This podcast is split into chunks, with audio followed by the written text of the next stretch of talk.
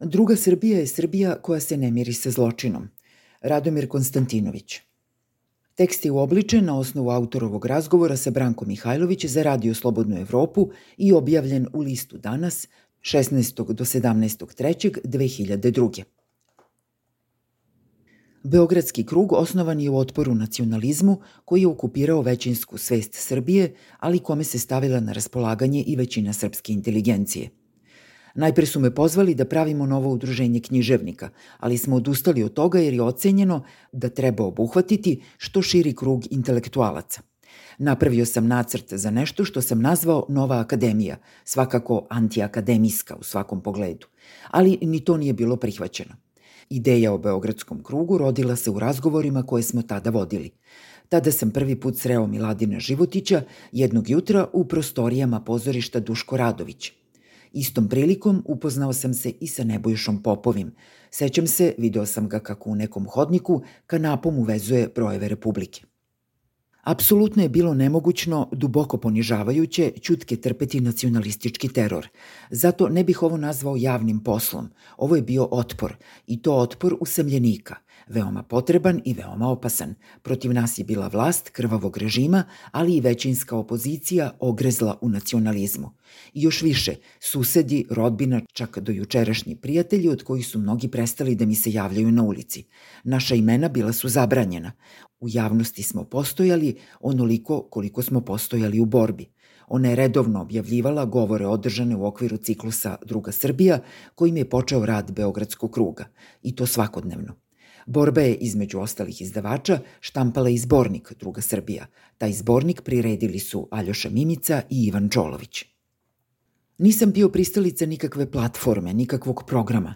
Smatrao sam da ne treba da govorimo kolektivno, programski, dakle bezimeno, anonimno nego da svako od nas, po na osob, pod punim imenom i prezimenom, ima da kaže šta hoće i šta sme, naravno. U tome smo se složili lako. Beogradski krug počivao je na ideji ličnosti ili ako hoćete na ličnosti kao kategoričkom imperativu. Mislio sam da individualni ili stvarni govor ne treba utapati u govor programski, kolektivni ili abstraktni. Tako je i došlo do druge Srbije – Na svoj način druga Srbija iz subote u subotu u Studentskom kulturnom centru u strahotno krvavo proleće 1992. jeste objava ličnosti, triumf moralne i intelektualne odgovornosti. Ništa nismo planirali, nikakvu temu, jedino smo se dogovarali o govornicima od subote do subote. Nalazili smo se najpre u Studentskom kulturnom centru, kasnije u mom stanu. To su bili veliki trenuci za mene. I ne samo za mene, siguran sam u to. Borba protiv nacionalizma jeste borba protiv samoće. Zašto? Zato što je samoća egzistencijska forma totalitarizma, svakog, pa i ovog nacionalističkog, s početka 90. godina.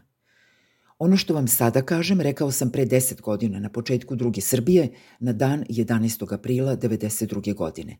Beogradski krug bio je krug spasonosnog prijateljstva, pa je zato u istinu bila privilegija naći se u njemu. Mislim na prijateljstvo kao na privilegiju, valjda najveću od svih privilegija. Ali ne manje mislim i na privilegiju manjine, neodvojivu od privilegije prijateljstva. Stvar prijateljstva je fundamentalno manjinska stvar. Mislim, fundamentalno tvoračka stvar. U marginalnosti je duša istorije. Druga Srbija, dakle Srbija evropska, jeste marginalna Srbija i dan danas i upravo kao takva marginalna jedina moguća budućnost Srbije – Koliko je snagu tada imala druga Srbija? Velika sala studentskog kulturnog centra bila je svake subote dubke puna. Mnogi su morali da stoje, uza zidove, u vratima. Dolazili su naravno da čuju nešto što još nisu znali, da čuju ljude od istinskog autoriteta. Ali dolazili su takođe da čuju i ono što su znali, a što je stvar ne manje važna, velika stvar.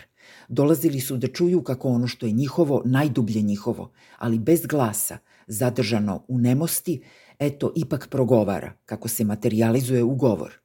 Bilo je to svojevrsno posvećivanje u javnost, jedino mesto gde je u proleće 1992. godine moglo da se govori. Bilo je to veliko posvećivanje u govor, nešto kao rađanje govora. To je bilo veoma značajno, to slušanje onoga što se već znalo, što se zna i što postaje, ako se ponavlja, i to pod pretnjom kazne u policijskom okruženju, neka vrsta rituala – nešto što se ritualizuje. To svakako nismo mogli planirati. To je zavisilo od svakog govornika. Nešto nepredvidljivo i nešto neodoljivo, jer je neodoljivo ono što je nepredvidljivo. Doživeo sam ja tu silu neodoljivosti, silu druge Srbije. Snaga druge Srbije bila je prevashodno moralna snaga, što će reći snaga manjine, koja dolazi do samosvesti i samopoštovanja usred opšte moralne i fizičke bede. U izvesnom smislu bila je to zavera, ona najteža, jer je valjda najbitnija, zavera protiv terora predubeđenja. Rekao bih da je to zavera manjinske racionalnosti protiv većinske racionalnosti. Jer totalitaristička strahovlada bila je i ovde strahovlada i racionalnosti.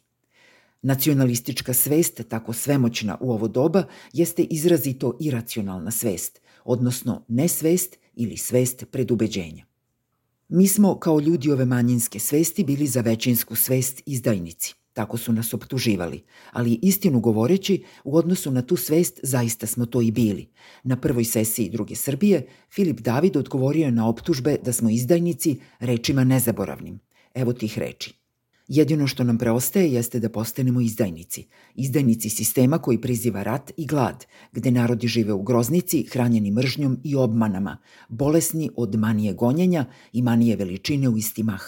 Biti izdajnik u takvoj zemlji, u takvom sistemu, najmanje što može i mora učiniti svaki moralan i častan čovek.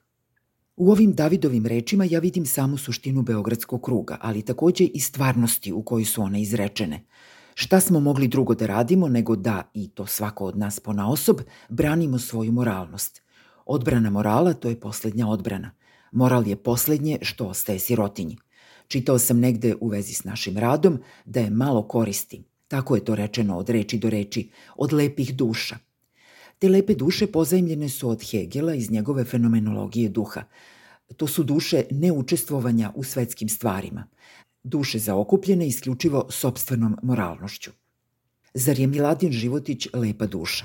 Onaj koga su bolesnog vukli kroz tunel ispod Sarajevskog aerodroma kada je s najboljim ljudima druge Srbije išao u pohode tom stradalnom Sarajevu, usred rata pod granatama. Neću da pitam gde je za to vreme bio taj kritičar lepih duša. Lepe duše druge Srbije, mondijalisti, Gojko Nikoliš, Sima Ćirković, Dušan Makavejev ili možda još Milovan Đilas, Vladimir Pogačić, Đorđe Lebović, Ljubiša Rajić.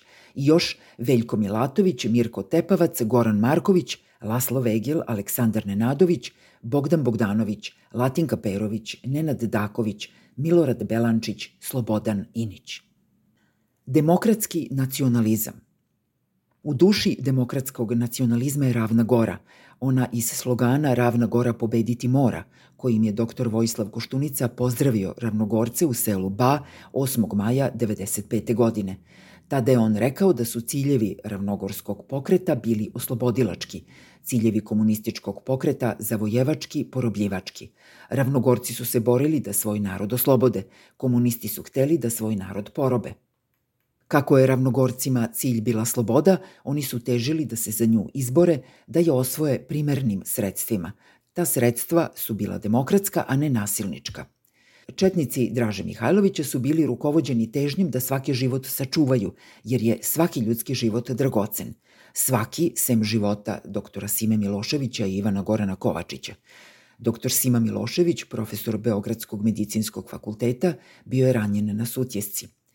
Ivan Goran Kovačić, pesnik Jame, treba li to da kažem, nije hteo da ga ostavi, pa su ga zajedno sa Simom Miloševićem našli četnici i zaklali, jer svaki ljudski život dragocen, u selu Vrbnica, nedaleko od Foče, sredinom juna 1943. godine. Moja ulica nosila je ime Sime Miloševića, sada je to ime izbrisano – ali zato će jedna druga Beogradska ulica dobiti ime jednog drugog doktora, a to je doktor Svetislav Stefanović. On je u nacističkom srpskom narodu godine 42. na Božić apelovao za uključenje Nove Srbije u novi poredak Evrope koji se stvara u borbi Ujedinjenih naroda Evrope protiv angloamerikanske i antievropske plutokratije i judeomasonske internacionalne lažne demokratije. U kom drugom gradu Evrope ulice dobijaju imena nacističkih ideologa? Ovo je pitanje za nacionaliste, pa i one demokratske svakako. Pitanje važno. I to zato što odnos nacionalista prema zločinima i zločincima iz najnovijeg vremena, iz epohje razaranja Jugoslavije, može da se razume samo u vezi s njihovim odnosom prema zločinima i zločincima Draže Mihajlovića i Dimitrija Ljotića. Mislim da srpski nacionalizam ne pristaje na Haški tribunal onako kako ne pristaje na suočavanje sa sobstvenim zločinima. Da završim. Ako vas pitaju šta je druga Srbija, šta je bila, šta jeste, šta će biti, slobodno recite. Druga Srbija je Srbija koja se ne miri sa zločinom.